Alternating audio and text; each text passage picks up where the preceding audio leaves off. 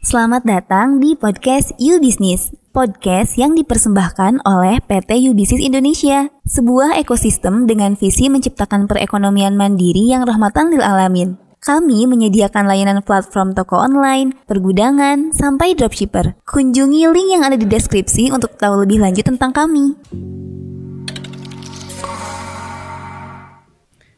Assalamualaikum warahmatullahi wabarakatuh. Halo semuanya, kembali lagi bersama saya Liana di segmen Baca Bareng Yubi, di mana setiap tim Yubi akan menceritakan atau mereview buku yang mereka baca dalam satu bulan terakhir. Nah, jadi buat teman-teman yang pengen baca buku tapi pengen tahu dulu isinya kayak gimana, bisa tonton nih segmen uh, tonton atau dengerin di podcast segmen uh, Baca Bareng Yubi. Nah, kali ini Uh, saya sudah bersama dengan Sarah. Iya, halo semuanya. Iya, nah Sarah di Yubi sebagai apa nih, Sar?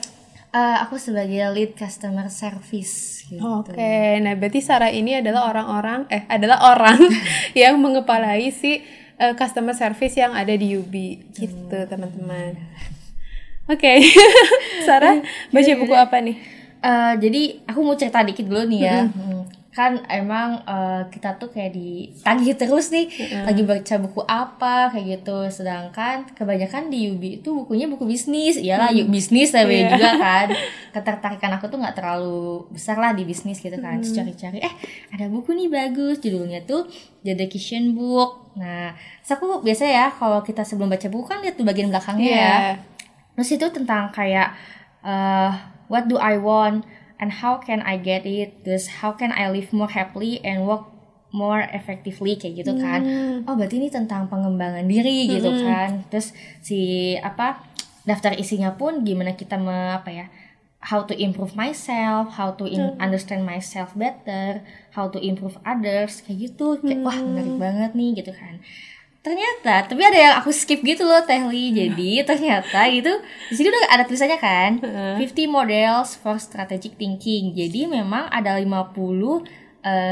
strategi mm -hmm. cara membuat keputusan yang baik. Oh. Aku kira tuh buku yang narasi gitu loh, uh. kayak motivasi gitu. Uh. Ternyata enggak, yang bener setiap halaman tuh ada model baru. Model baru itu bener-bener oh. per halaman kayaknya tuh kayak gitu. Ternyata buku praktis gitu Betul, ya. Betul, oh. kayak gitu. Jadi aku agak salah paham di awal gitu. Yeah. Cuman ya udah deh aku lanjutin aja kayak gitu. Terus di bagian pertama itu kan tentang sebenarnya dijelasin dulu sih ada intronya gitu bagaimana kita uh, menggunakan buku ini hmm. gitu kan dengan baik terus gimana uh, apa ya cara uh, mengembangkan diri kayak gitu hmm. di awal tuh dijelasin sih gitu. oke okay. terus, terus apa lagi nih terus apa aja nih yang Sarah dapat dari buku itu atau hmm. mungkin bisa diceritain salah satu strateginya yang disebutin boleh, boleh. sebenarnya aku tuh udah nandain gitu kan beberapa hmm. karena nggak semuanya relate sama aku kan nggak hmm. semuanya aku tertarik juga Nah, cuma di bagian awal ada beberapa poin yang bikin aku ingat sama Mas J.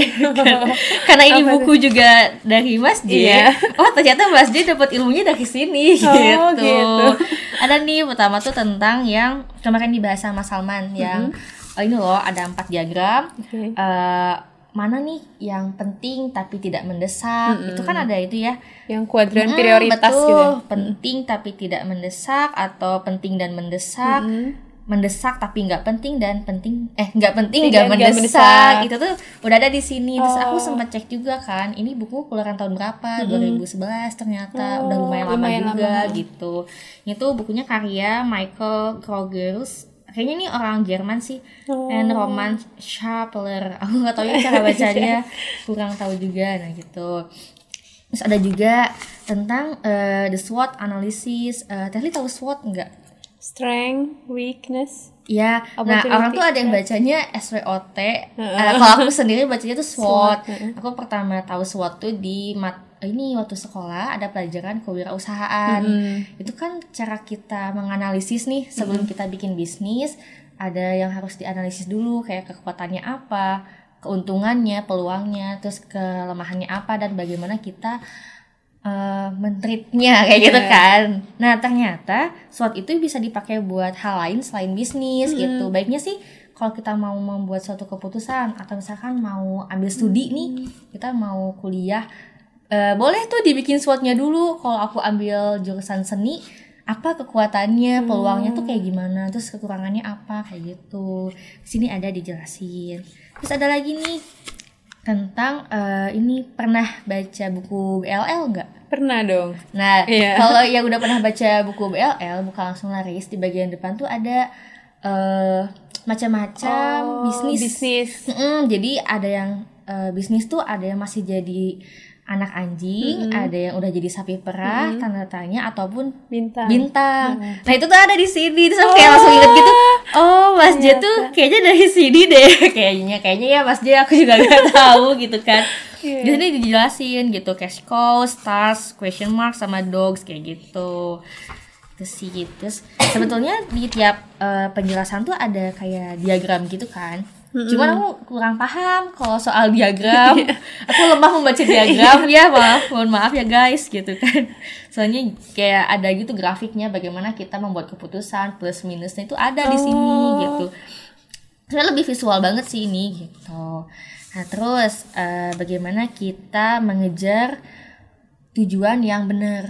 Hmm. kayak gitu. Karena eh, kita punya goals nih tapi kadang belum tentu goalsnya itu benar. Hmm. kayak gitu kan. Nah itu ada kita tuh harus bisa bedain eh, mana tujuan akhir mana eh, apa sih prosesnya. Proses dari menggapai tujuan itu. Contoh nih kalau di sini aku pengen lomba maraton itu adalah tujuan akhir Mm-mm. Nah, performance-nya kayak gimana? Ya, performance-nya aku harus jogging tiap hari paling enggak 30 menit. Kayak gitu. Jadi kita tuh harus ngeset nih ada tulisannya misalkan mau apa goals-nya, terus apa aja yang harus kita lakukan buat mencapai goals tersebut. Kalau di sini tuh ada 14, 14 apa ya yang perlu kita note kayak gitu. Jadi boleh lah buat detailnya teman-teman lihat aja karena itu kelihatan gitu nih teori kayak Oke. gini tuh. Jadi smart, uh, pure, clear. Nah itu tuh ada uh, ininya lagi sih rinciannya kayak spesifik, measurable, terus attainable kayak gitu. Jadi 14 poin ini tuh penting banget buat kita ngeset goals kayak gitu, ngebantu banget kayak gitu. Terus kita juga harus uh, apa ya concern gitu uh, si apa sih goals kita ini tuh uh, mungkin nggak dicapai. Kalau nggak mungkin dicapai itu tuh jadi kayak nggak ada harapan gitu kan. Terus uh, ini tuh challenging gak sih buat kita? Soalnya kalau nggak challenging jadi nggak apa ya Nggak nggak semangat uh-uh. gitu kan. jadi nggak ada motivasi buat nge- ngejar si goalsnya itu kayak gitu. Oh, banyak banget sih. Nah, terus ada juga nih tentang uh, dealing with other people's compliment and critic criticism. Jadi uh, gimana ya? Itu kan tentang kita tuh sehari-hari bakal dapat pujian dan kritik dari orang. Terus kita tuh harus pinter-pinter uh, apa ya? Nge-manage si Mm, itu. menyaring juga. Jadi jangan semua omongan orang tuh dimasukin Iya. gitu. Kita harus filter ini termasuknya pujian atau kritikan gitu. Saya itu tuh eh, hal yang sensitif ya kalau di dalam suatu grup tuh kayak eh, kritik tuh bisa nyakitin orang, tapi pujian yang salah pun gak membantu Iya, kayak gitu malah kan. bikin orang gak berkembang gitu. Mm, betul, jadi bikin orang tuh terlalu cepat puas Iya. kayak gitu. Jadi kita harus hati-hati sebagai kita yang menyampaikan harus hati-hati nih. Kita tuh niatnya bisa, aja kita niatnya mau membangun dia, tapi malah jadi nyakitin. Iya. Atau kita oh iya kamu cantik gitu misalkan. Eh ternyata dia jadi gede kepala gitu kan. Kayak gitu kan gak ini ya, gak bagus. Ada juga di sini komplemennya. Eh eh, diagramnya kayak Iya. gitu kan. Ada empat tabel nih. Ada advice, compliment, kritik sama suggestion gitu. Contoh nih kalau misalkan advice eh ya menurut aku kamu nggak apa-apa sih kayak gini tapi baiknya mungkin diubah itu termasuk nasehat kalau ada orang ngomong kayak gitu kalau pujian itu oh iya kamu bagus kok kayak gini gitu. Kayaknya kalau kamu kayak gini terus nggak apa-apa gitu. Aku suka kamu yang kayak gini. Itu tuh termasuk pujian. Orang tuh lagi muji kamu gitu kan. Terus ada juga eh, saran misalkan eh kamu tuh gimana ya kurang bagus deh kalau kayak gini. Gimana kalau diubah? Kayak gitu. Itu saran karena dia masih memikirkan perasaan kita gitu kan. Nggak masa nggak maksa buat berubah tapi eh, ngingetin juga ada sarannya kayak gitu mana yang baik dan enggak. Ada juga yang ngekritik. Nah kalau kritik tuh agak pedes ya ngomongnya. Ya ampun kamu tuh jelek banget lah Iya, kayak gini. Aku nggak iya. suka kamu kayak gini. Harusnya kamu tuh berubah dari dulu. Nah itu termasuk kritik gitu. Jadi emang kita harus apa ya ya kita harus tahu sendiri Bedain, gitu. bedain gitu. Orang tuh ke kita sebenarnya tuh saran atau apa kayak gitu next. Banyak banget itu benar-benar 50 bayangin dong 50 ya. Jadi tapi aku nggak nggak akan bahas 50 50 nya nggak. Nanti videonya bisa 50 jam ya. Betul, itu lama Enggak banget, ya kali 50 banget sih. Terus Nah ternyata ada juga yang ngebahas tentang eh, seberapa banyak uang yang kita keluarkan buat ngasih kado. Hmm. Itu tuh penting. Eh, Membuat keputusan. Misalkan aku mau ngasih kado ke Tehli nih Aduh aku ngasih kado apa ya? Terus harga berapa Itu tuh ada kayak ada grafiknya gitu. Jadi ada momen-momen yang pas. Contoh nih kalau antara suami istri eh, Kita tuh butuh kado pas lagi tunangan. Terus pas anak pertama, anak kedua Atau eh, surprise kecil di apa ya usia pernikahannya kayak gitu. Terus memang uh, kita tuh harus mikir kado yang kita kasih kepake nggak sama dia gitu. Jangan sampai kita kasih yang mubazir kayak waktu kita bahas itu loh yang kalau waktu kita goreng-goreng Oh iya. ya kan? emang enaknya Iya. kita tanya langsung Iya, ya bener. daripada nggak kepake kan gitu terus uang yang kita keluarkan tuh malah jadi mubazir Iya, gitu kan bener-bener. itu termasuk keputusan yang harus dipikirkan dulu juga Iya. kayak gitu Oke. gitu sih terus ada juga tentang ini tuh oh cara kita menyelesaikan suatu konflik, Konflik. dengan cara yang elegan Wih, Gimana tuh caranya? Gimana gimana? jadi dia ada ternyata ada enam cara ya kita menghadapi masalah Eh, ada yang disebut flight flight tuh kita eh, menghindar jadi eh, ya menghindar aja aku ada konflik sama Terry aku tuh nggak mau nyelesain aku jadi kan gak, gak clear Nggak ya Nggak selesai heeh. dong kita si masalah tuh kayak udah selesai padahal enggak. Iya. nah itu tuh posisinya jadi lose lose situation karena aku nggak menang Tehli pun nggak menang gitu. Nggak ada yang menang gitu. Jadi eh, di pembahasan ini tuh siapa yang menang siapa yang kalah. Nah kalau misalkan aku punya konflik sama Tehli dan aku yang ngindar aku nggak mau ngajak ngomong aku nggak mau bahas sebenarnya udah udah biarin aja gitu. Aku malas malas itu tuh kita sama-sama kalah karena masalah nggak selesai dan bisa jadi keulang lagi nanti karena nggak diselesaikan kan masalahnya mungkin itu terjadi kalau eh, kita tuh mendem punya unek-unek punya unek-unek sama teman dekat sama orang tua atau sama siapa nggak disampaikan. Jadinya kan ya aku yang tersakiti gak dimengerti Iya. Teli yang jakiti juga ya nggak ngerti Nggak maksudnya ngerasa, apa gitu kan. Itu tuh emang harus disampaikan. Tapi itu termasuknya flight karena kita ngindar ada sih orang yang kayak gitu kan dia emang nggak suka konflik jadi dia menghid dia Yang harmonisnya maksudnya harmoni ya. ya. harmoninya tinggi. Tapi Iya. sebenarnya tuh gak baik juga sih. Gak baik kalau setiap ada masalah dia ngindar. Gak baik buat perkembangan ke dia juga kayak gitu kan. Terus ada fight. Fight tuh biasanya orang yang agak agresif. Hmm. kayak aku mungkin termasuk kali ya. Senang cari gara-gara kayak gak juga sih gak nah kalau fight itu eh, dia apa ya? Bisa jadi ini tuh eh, nah kalau fight itu salah satu pihak lebih kuat biasanya karena dia pengen nyelesain gitu. Dan ini bisa jadi orang yang ngajak berantem orangnya menang. Aku sebagai yang ngajak berantem ya aku menang dong gitu kan. Aku yang memulai gitu. Oh. nah orang yang diajak berantem jadinya kalah. Ini disebut win lose situation gitu. Oke. terus ada lagi give up. Nah kalau give up tuh aku nyerah aku yang nyerah. Jadi sebenarnya ini tuh di memposisikan kita ya kita sebagai yang maju duluan gitu. Kita yang duluan ngambil keputusan. Ini iya kan ini decision book ya. iya. aku ngambil keputusan nih gitu. Nah ada juga aku nyerah udahlah aku mah nyerah aja. Nah, kalau gitu berarti aku yang kalah. Hmm. Deli yang menang gitu. Entah itu siapa yang benar atau salah karena akunya ngalah. Aku tuh ya namanya ngalah jadi kalah Iya, gitu. berarti lawannya si yang fight tadi ya. iya betul terus ada lagi event responsibility. Nah ini tuh eh, bentar ya aku agak lupa.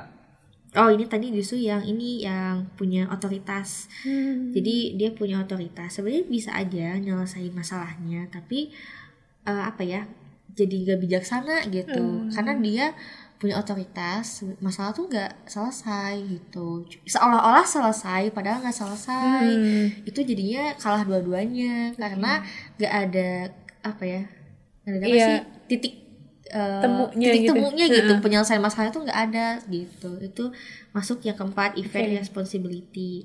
Terus ada compromise atau kompromi. Kompromi mah bisa bisa jadi aku yang menang bisa jadi aku yang kalah. Jadi win loss atau uh, loss win situation gitu kan soalnya kalau kompromi kan ya kita ngobrol ya. Hmm. mau ya udah sih aku aja lah yang kompromi. Aku maafin Tehli aja gitu. Hmm. atau bisa jadi Tehli yang ya udah aku maafin kamu gitu. Gitu. Dan yang terakhir adalah reach a consensus. Yaitu lebih ke musyawarah. Hmm. Emang baiknya kalau ada masalah kita musyawarah, Musyawarah. ya baik-baik jangan hindar jangan berantem jangan mengintimidasi Iya. juga baiknya diomongin baik-baik nih jadi enak di aku enak di kamu Jadi kita yang menyampaikan tapi kita yang mendengar juga gitu Betul, ya. kayak gitu. Jangan merasa eh, aku pengen dimengerti tapi aku nggak mengertiin orang. Iya. Itu kan nggak baik ya. Nah, kalau ini bisa jadi win dua-duanya, Hmm. win-win situation kayak gitu. Itu sih. Terus selanjutnya adalah ini agak bingung sih aku menyampaikannya. Pokoknya eh, kita tuh harus tahu jalan apa yang kita pilih sekarang Hmm. kayak gitu Eh, buat tahu jalan yang kita lagi jalan apa ya jalan yang kita pilih itu kita harus questioning gitu loh kayak apa sih selanjutnya? Selanjutnya kita mau apa gitu. Apa sih tujuan kita Ah, hidup nah, gitu? gitu.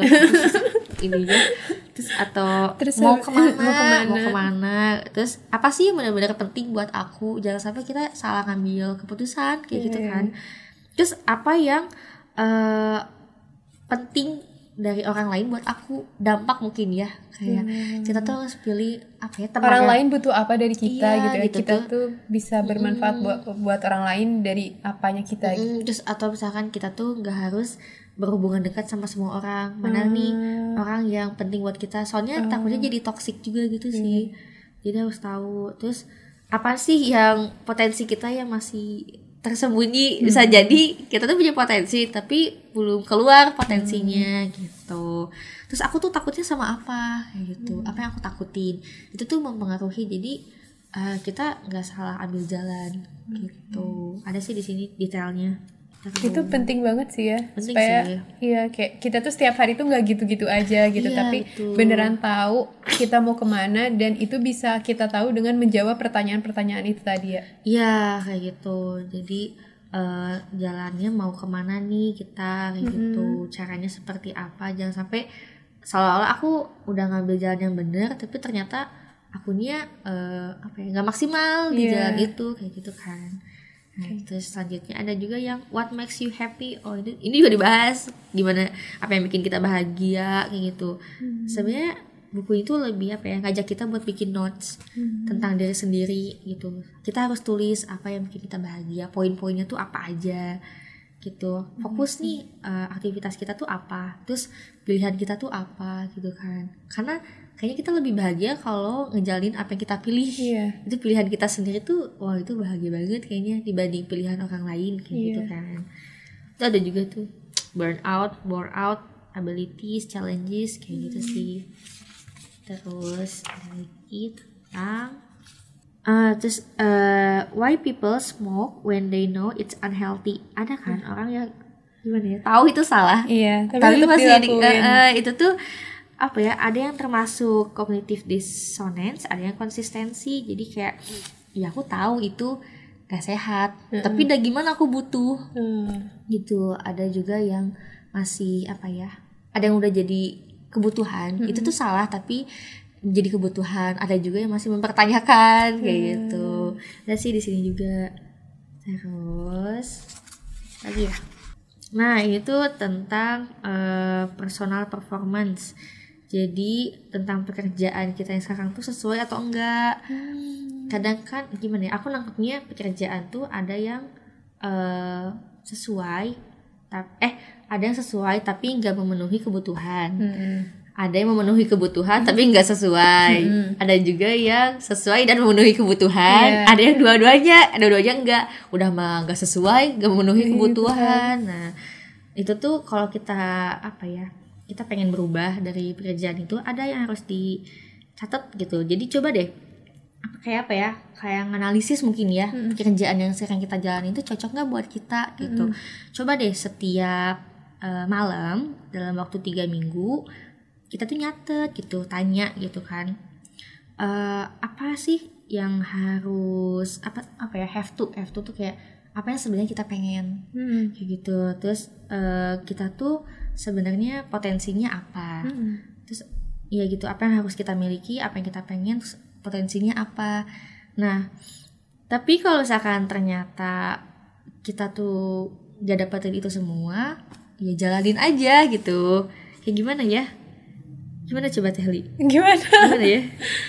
Kalau kamu nggak bisa ngelak ini kan kayak suka ada quotes gitu ya di bawahnya. Mm-mm. jadi kalau kamu nggak bisa ngelakuin sesuatu ya udah kerjain aja. Jadi jangan apa ya kita tuh pengen banyak maunya Mm-mm. tapi kita tuh nggak ada usaha kayak gitu. Misalkan aku tuh pengen jadi CEO tapi sebenarnya kita nggak punya kemampuan itu. Aku tuh kayak nggak betah aku tuh nggak mau jadi CS terus misalkan. Mm. aku tuh nggak nggak suka kayak gini gitu. Aku pengennya eh, dapat jabatan yang tinggi. Aku pengennya dapat gaji yang besar aku pengen nyaman gitu. Mm-mm. tapi kita juga harus tahu potensi kita tuh bisa nggak di posisi itu? Itu kan. Atau kebutuhan kita tuh ya, apa gitu. Jangan sampai kita jadi apa ya eh, egois mungkin ya. Mm-mm. pengennya lebih tapi eh, nggak sadar kemampuan kita sendiri kayak gitu. Kadang ada orang yang eh, misalkan dia eh, nggak nerima misalkan aduh aku nggak mau aku nggak cocok kerja di sini. Tapi kan kamu butuh kamu butuh uang kamu butuh makan ya udah deh gitu ya. Terima aja dulu posisi yang sekarang misalkan kayak gitu. Nanti kalau kita udah berkembang udah belajar bisa tuh coba pekerjaannya kita mau gitu. Sambil ngasah ngasah diri kayak gitu sih. Itu ada juga. Jadi mungkin sebenarnya lebih menyuruh kita untuk nanya ke diri kita sendiri pengennya apa potensinya apa. Jadi pastikan apa yang kita pengen tuh emang sesuai dengan potensinya kita gitu. Iya. Iya sih dan ya baru kita bisa menjalani itu gitu. Iya, jangan sampai gitu. kita eh, mampunya di sini tapi ternyata pengen yang lain Iming-iming. yang ternyata nggak sesuai gitu. Iya, itu kan jadi nggak malah tambah apa ya nggak enak ke kitanya nanti gitu.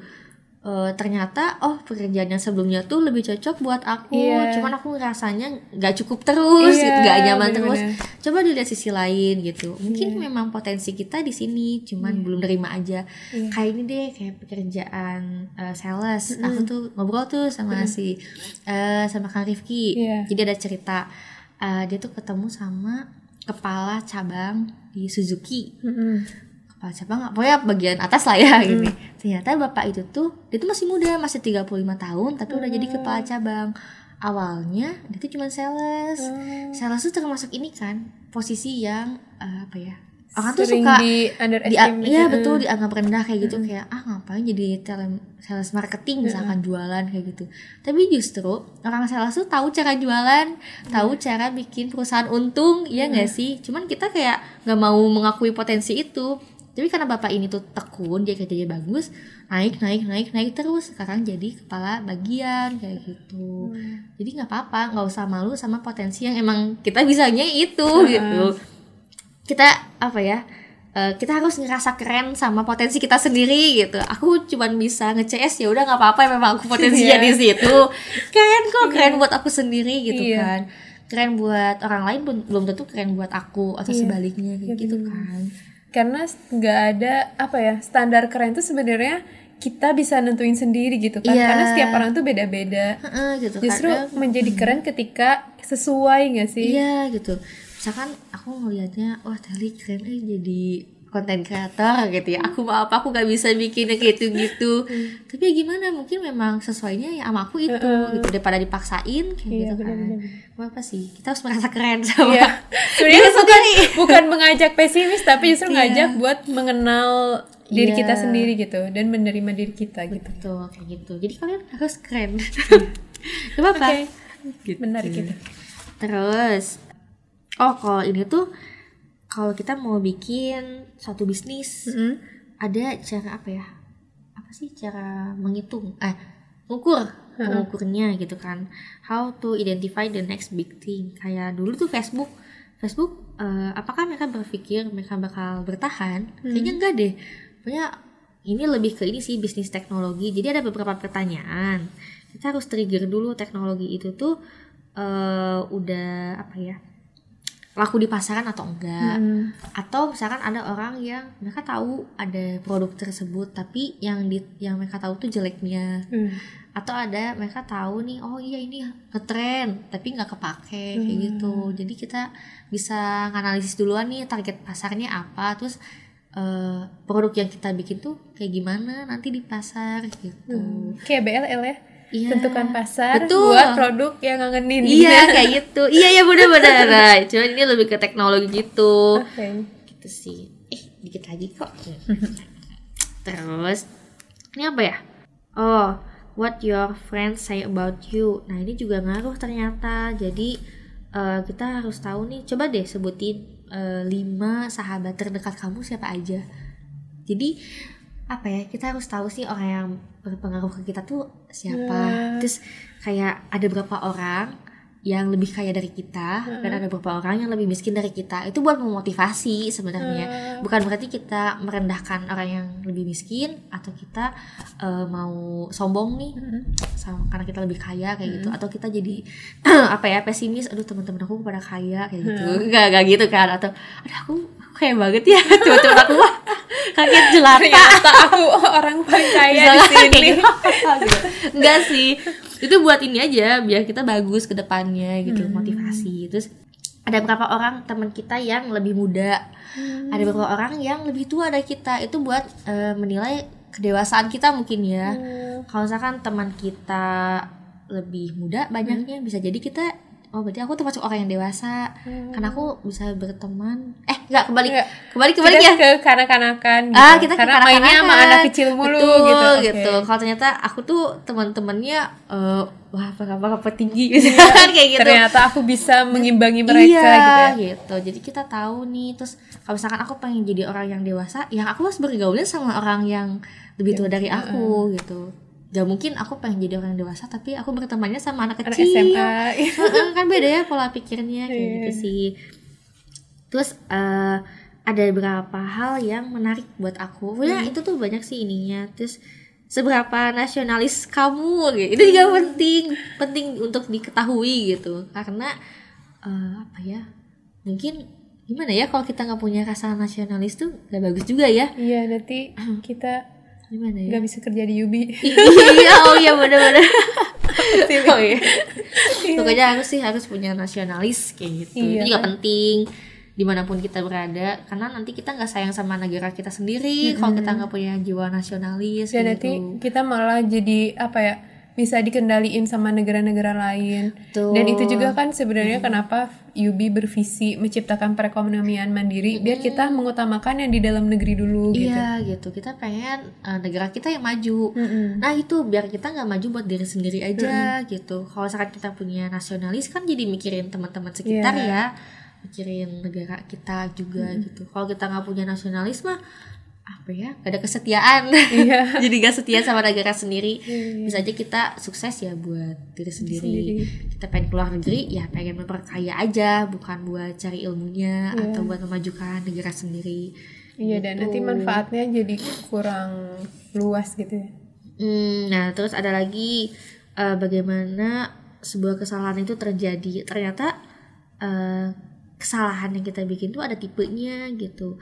Itu tuh emang bener kesalahan atau bukan? Itu tuh karena kitanya lupa prosesnya atau gimana? Kan gimana ya? Salah tuh macem-macem ya. Ada yang emang kita udah ngajalanin proses yang bener tapi hasilnya nggak sesuai atau emang kitanya teledor jadinya salah gitu atau ya banyak sih banyak ininya gitu terus eh, gimana kita apa ya faktornya juga ada banyak sih gitu terus kategorinya misalkan kesalahan tuh terjadi di bos terjadi di tim atau terjadi temen kayak gitu itu juga ada sih Jadi ketika ada orang nyebut kamu salah, kamu lambat, coba kita identifikasi dulu ya. Nah, betul Apakah salahnya tuh gara-gara apa? Terus apakah ini tuh beneran kita yang salah atau sebenarnya ada faktor eksternal yang Iya. salah gitu ya? Misalkan nih kita udah jadi atasan terus kita nyalahin "Ih, kamu tuh kerjanya nggak bener Iya. coba dilihat lagi ini tuh emang eh, bawahan kita yang nggak bener atau manajemennya yang kurang Iya. pas atau aku malah sebagai lead yang Iya. belum bener kayak gitu kan atau pengetahuan aku tuh belum luas jadinya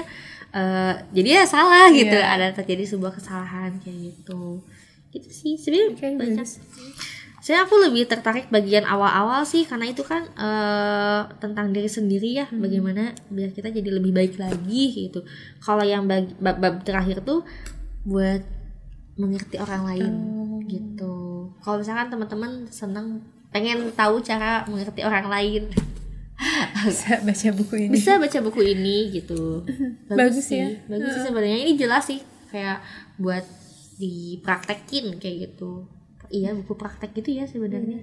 Nah, kalau Sarah sendiri setelah baca buku itu pengaruhnya ke pekerjaan sehari-hari jadi gimana nih contohnya? eh contohnya kalau aku tuh lebih ke apa ya mungkin yang bagian pekerjaan kayak ini pekerjaan sesuai untuk aku atau enggak kayak gitu kan Nanti udah mulai menulis setiap malam nih. Oh enggak sih belum. Karena aku sibuk ini ya sibuk nandain, baca. iya, sibuk baca. Eh, diterapin dulu gitu kan. Biar nggak jadi angin lewat aja gitu, gitu sih. Coba kali mau dibaca boleh. Iya siap nanti. Menarik sih. Oke deh. Ada pertanyaan? Oh enggak ini Ada ini offline. bukan live ya. Kebiasaan live IG ya. iya bener bener. Oke, keren banget sih bukunya. Walaupun kecil, tapi ada banyak banget yang bisa kita pelajari dari buku ini dan mulai dari mengenal diri sendiri, terus mengenal orang lain. Dan sebenarnya kan ini judulnya The Decision Book ya. Tapi yang aku tangkap tuh sebenarnya ketika kita memutuskan hal yang perlu kita lakukan adalah lebih banyak bertanya ke diri kita sendiri ya. Iya betul memang. Iya sih betul Iya. betul. Jadi sebelum kita mengerti orang lain, ya kita harus mengerti diri sendiri dulu. Iya, gitu terus kan. eh, sebelum kita nanya ke orang lain ini keputusannya bagusnya kayak gimana ya atau apa-apa sebenarnya kita eh apa lebih baik untuk tanya ke diri kita sendiri dulu aja gitu karena diri kita yang paling ngerti sih harusnya. Iya, terus gitu. Sebenarnya buku ini bukan cuma buat apa ya? Buat diri sendiri, tapi buat kerjaan. Kayak tadi kan Iya, ada beberapa pekerjaan. bagian bagaimana membuat keputusan dalam suatu pekerjaan atau menciptakan suatu, suatu bisnis kayak gitu. Cuman nggak kelihatan, nggak kelihatan kalau ini buku bisnis. Ini lebih umum mungkin ya. Iya. Bisa dipakai siapa aja gitu. Buat orang yang lagi pengen mengembangkan diri atau buat orang yang pengen mengerti orang lain gitu. Oke deh. Menghindari konflik. Iya. Baca. yang harmoninya rendah ya. Iya boleh. Oke deh, terima kasih Sarah atas sharing bukunya Iya, hari ini. sama-sama. Nah, kalau misalnya teman-teman punya request, tolong dong review buku ini gitu ya. Boleh banget tulis di kolom komentar atau DM kita atau pokoknya hubungi kita lewat channel mana pun. Nanti insya Allah kita bahas di video-video selanjutnya. Betul, oke. Oke, terima Terima kasih kasih. semuanya. Sampai bertemu lagi di video selanjutnya. Terima kasih sudah mendengarkan. Jangan lupa klik like dan bagikan jika kamu mendapat manfaat dari podcast kami. Nantikan podcast You Business episode berikutnya.